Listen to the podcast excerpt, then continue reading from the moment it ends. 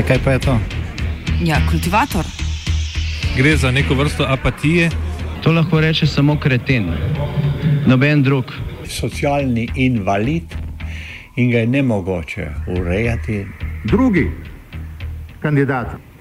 Pa, eh, pa pije, kadi, masturbira, vse kako ti lahko reče. Nihče tega ne ve. Vsak petek skultiviramo dogodek tedna. Lahko po kriterijih radio študent, težko pa po evropskih kriterijih. Ampak na drug način, kot vi tu mislite. Kultivator vedno užge. Da pač nekdo sploh omenja probleme, ki so, in da pravzaprav sploh nekdo sproži dogajanje uh, v družbi. To drži, drži.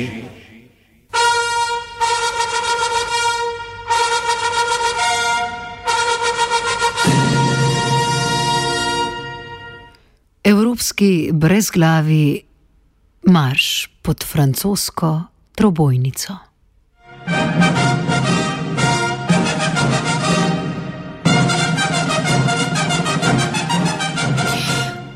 Ki ga je v Evropi povzročil petkov napad v Parizu, počasi dobiva materialne posledice. Francoski predsednik François Hollande je takoj razglasil, da je Francija v vojni. Francoska vlada je uporabila člen 42 skozi 7 Lizbonske pogodbe, ki ostale države članice Evropske unije zavezuje k pomoči, tudi vojaški. Olont je razglasil izredne razmere, ki naj bi trajale tri mesece. Tudi sosednja Belgija napoveduje spremembe ustave in zaostrovanje varnostne zakonodaje. Temu zgledu sledi tudi Švedska.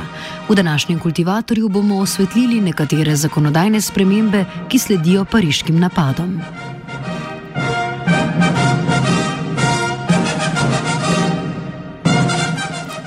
Člen 42 skozi 7 pogodbe o Evropski uniji, ki ga je za pridobitev pomoči ostalih držav članic Evropske unije uporabila Francija, je mogoče uporabiti, kadar je država žrtev oboroženega napada.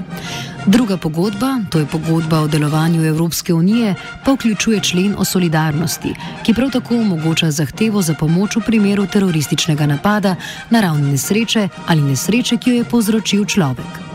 Janja Hojnik, profesorica na Pravni fakulteti Univerze v Mariboru, pojasni ključne razlike med členoma.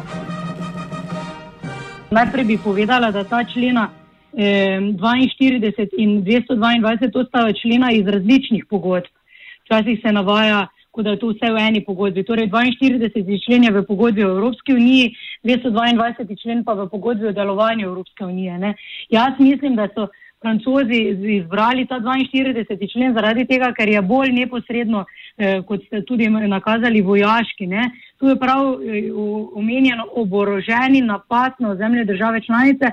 Na nek način se sliši eh, mogoče bolj ne vojaško, pa bolj neposredno eh, v, v stilu tega, kar je tudi Hollande eh, izpostavil, da so torej bili kot vojaško napadeni. Ne.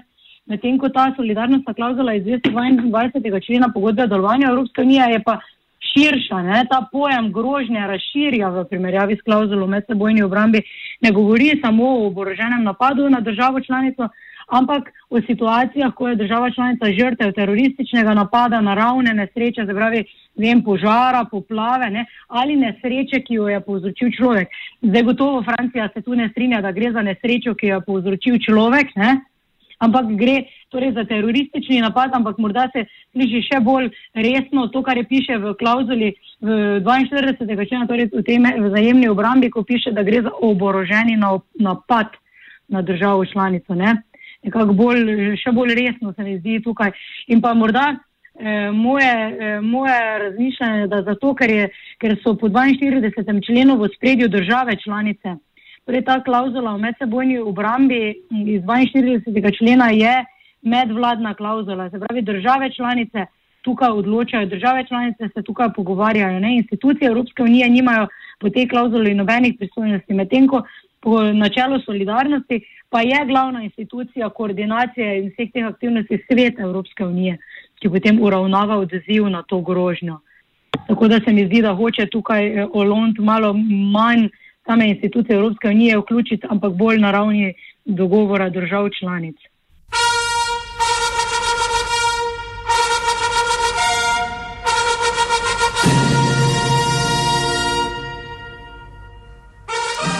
Kakšno obliko naj bi zauzela pomoč Franciji, še ni znano.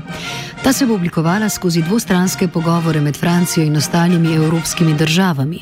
Na slovenskem obramnem ministrstvu zatrjujejo, da pogovori med slovensko in francosko stranjo še niso stekli. Francoski zunanji minister Jean-Yves Le Drian pa je povedal, da bi bila dobrodošla pomoč pri francoskih misijah v tujini. Neimenovani francoski diplomati namigujejo na misiji v Malju in Srednje Afriški republiki. S tem bi razbremenili francosko vojsko, ki bi se posledično lažje osredotočila na napade v Siriji. Posredno pa bi evropske vlade s takšno pomočjo, če se bo materializirala, pomagale izvajati francosko zunanjo politiko.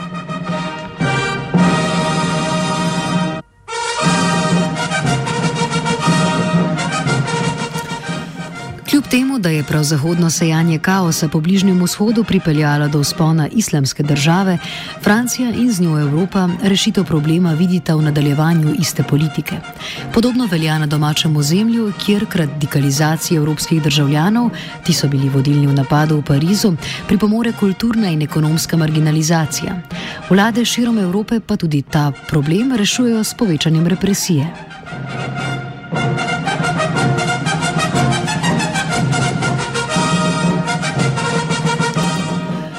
V Franciji že od napada na Charlie Hebdo po ulicah patruljira vojska, kar novega napada ni preprečilo. Po petkovih napadih so bile razglašene izredne razmere s trajanjem treh mesecev. Te vojski in policiji dajo večje pooblastila, kot so možnost hišnih preiskav, hišnega pripora in blokiranje domnevno nevarnih spletnih strani brez sodnega naloga ter prepoved javnih zborovanj. V skladu s tem so francoske oblasti prepovedale tudi proteste ob podnebnem vrhu konec meseca.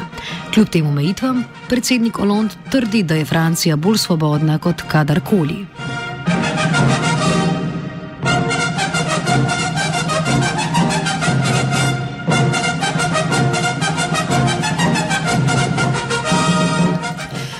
Zaostrovanje varnostne zakonodaje je napovedal tudi belgijski premijer Charles Michel. Manuel Lambert iz organizacije Belgijska liga za človekove pravice opiše napovedane ukrepe. The Prime Minister has announced uh, yesterday uh, in front of the Parliament a series of uh, new measures uh, to combat terrorism and uh, radicalism. Um, among those measures that are presented as new, uh, um, some of them are not really new because uh, they, they have been adopted after the last attacks in Paris, after the, the Charlie Hebdo attacks in Paris in January. Uh, so a few of them uh, are not really new, and uh, part of, of, of, the others are new, but need to uh, to be uh, addressed to the parliament to, for us to know exactly what uh, is um, is going to come. But what we can say right now is the plan of the government is to control internet Uh, more thoroughly. Uh, they plan to uh, fight against hate speech and uh, the provocation against uh, uh, of terrorism. that is one part of the of the plan. They also plan to expand the possibilities to deprivate foreign fighters from their liberty. they can be put in prison when they come back from abroad, Uh, and uh, they can be automatically jailed. Uh, that's what the, the the prime minister said, which is very worrying in a, in a, in a state of law. Ukrepi vključujejo tudi podaljšanje obdobja pridržanja brez obtožnice iz 24 na 72 ur, kar bi zahtevalo spremembo ustave in prepoved prodaje SIM kartic brez identifikacije kupca. Lambert meni, da to vrstni ukrepi niso najbolj premišljeni, saj imajo represivni organi že do sedaj dovolj pooblastil, katerih potencial pa ni izkoriščen. my fear is that uh, those measures, some of them may be necessary uh, to fight terrorism, but the, you know the legislation in Belgium is already uh, large, and, and we have all the instruments we need to fight terrorism. Uh, I don't think those new legislation will be really useful. Maybe a few uh, a few more details will be useful, but the legislation is already there. So um, I'm not sure it will be the most efficient, efficient way to fight terrorism. Of course, we need repression uh, to fight those kind of acts. But the, the problem is m- much more complicated uh, with uh, those people. Uh, it, it, it tends to um, other rights, other human rights, like the right to housing, the right to employment, and uh, the right to express their uh, religious feelings. And that's, that's, that are really tough questions that are not addressed by the government right now. The only response we see right now is a repressive response, re- repressive answer, and uh, that won't be sufficient, I think.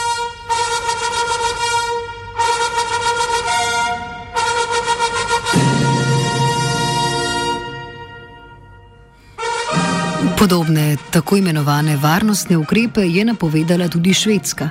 Njen predsednik vlade Stefan Loften je izjavil, da je bila Švedska pri zaznavanju tveganja za teroristični napad na svojem ozemlju do sedaj naivna.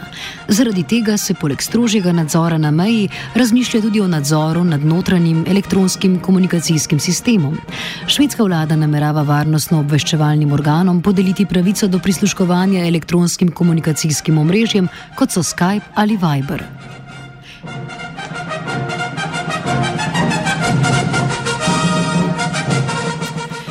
Nekdanji politik in diplomat Borut Šuklje meni, da bo šla Evropa skoraj neizogibno v smeri vse večjega nadzora, a opozarja, da državljani Evropske unije ne smemo biti v vse splošni histeriji naivni.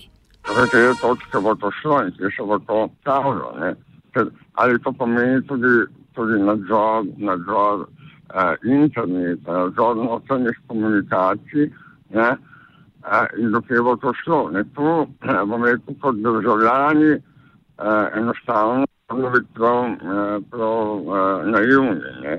Po tem, kar se je zgodilo v Parizu, še bo uh, nadzor, ne samo v Evropi, še bo povečal. Ne.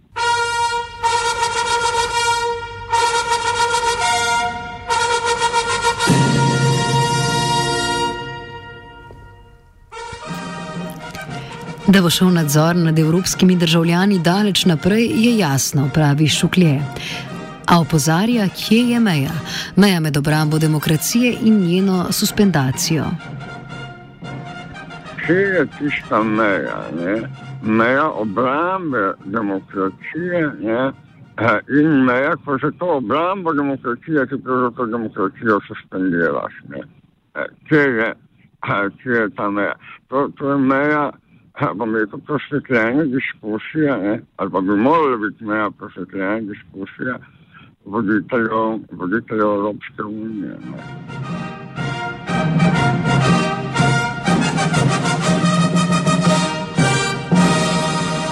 Represivnih ukrepov pa ne poostrujejo le posamezne države, temveč tudi Evropska unija kot celota.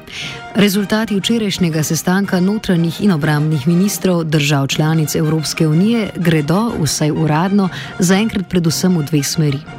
Ena je zaustritev varovanja zunanjih meja šengenskega območja, v kar pa so nekateri očitno že izgubili upanje, saj je Nizozemska neuradno predlagala ustanovitev tako imenovanega mini-šengenskega območja, ki bi vključeval le Nizozemsko, Nemčijo, Avstrijo, Belgijo in Luksemburg.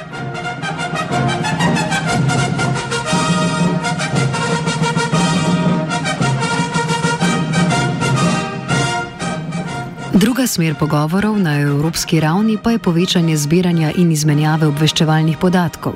Ideja Evropske unije je eden od večjih dosežkov Evrope, predvsem ko govorimo o civilnih svoboščinah, med katere sodi tudi svoboda gibanja znotraj Evropske unije. Že dolgo časa obstajajo težnje po zbiranju podatkov o letalskih potnikov na letih znotraj Evropske unije. Te ideje so se izdatno ukrepile po napadu na satirični tednik Charlie Hebdo v začetku letošnjega leta, a je zbiranje podatkov zaenkrat omejeno na lete izven Evropske unije. Po terorističnem napadu v Parizu pa je, kot kaže, dozorel čas tudi za zbiranje podatkov o notranjih letih. Idejo so namreč podprle belgijska, nemška in francoska vlada. Britanci pa so ji naklonjeni že dlje časa.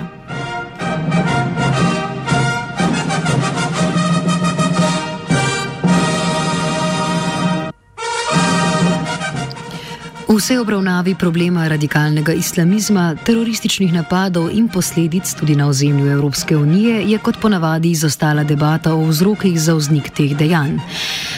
Se popravljamo teh gibanj. Današnji kultivator zaključujemo z izjavo Boruta Šukljeta.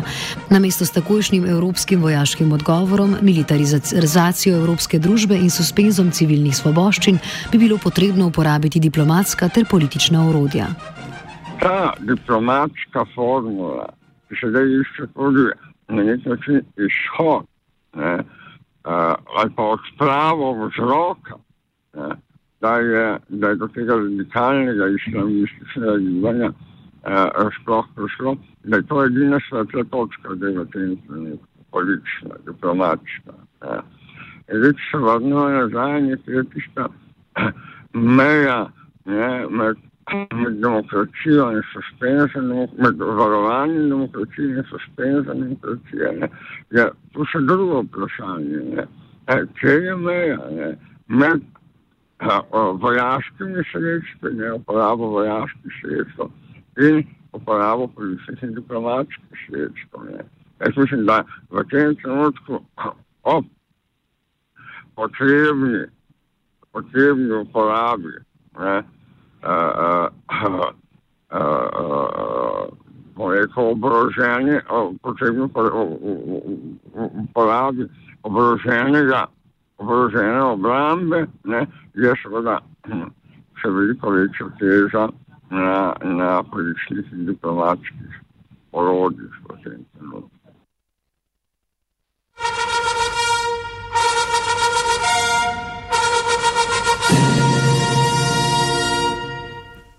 Kultivirala sta počivalšek in cvitar.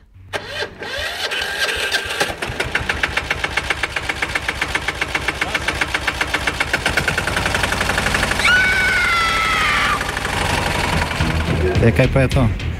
Ja, kultivator. Gre za neko vrsto apatije. To lahko reče samo kreten, noben drug. Socialni invalid in ga je ne mogoče urejati. Drugi kandidat. Pa, pa pije, kadi, masturbira, vse kako ti lahko reče. Nihče tega ne ve. Vsak petek skultiviramo dogodek tedna. Lahko po kriterijih radio študent, težko pa po evropskih kriterijih. Ampak na drug način, kot vi tu mislite. Kultivator vedno užge. Da pač nekdo sploh omenja probleme, ki so, in da pravzaprav sploh nekdo sproži dogajanje uh, v družbi. To drži, drži.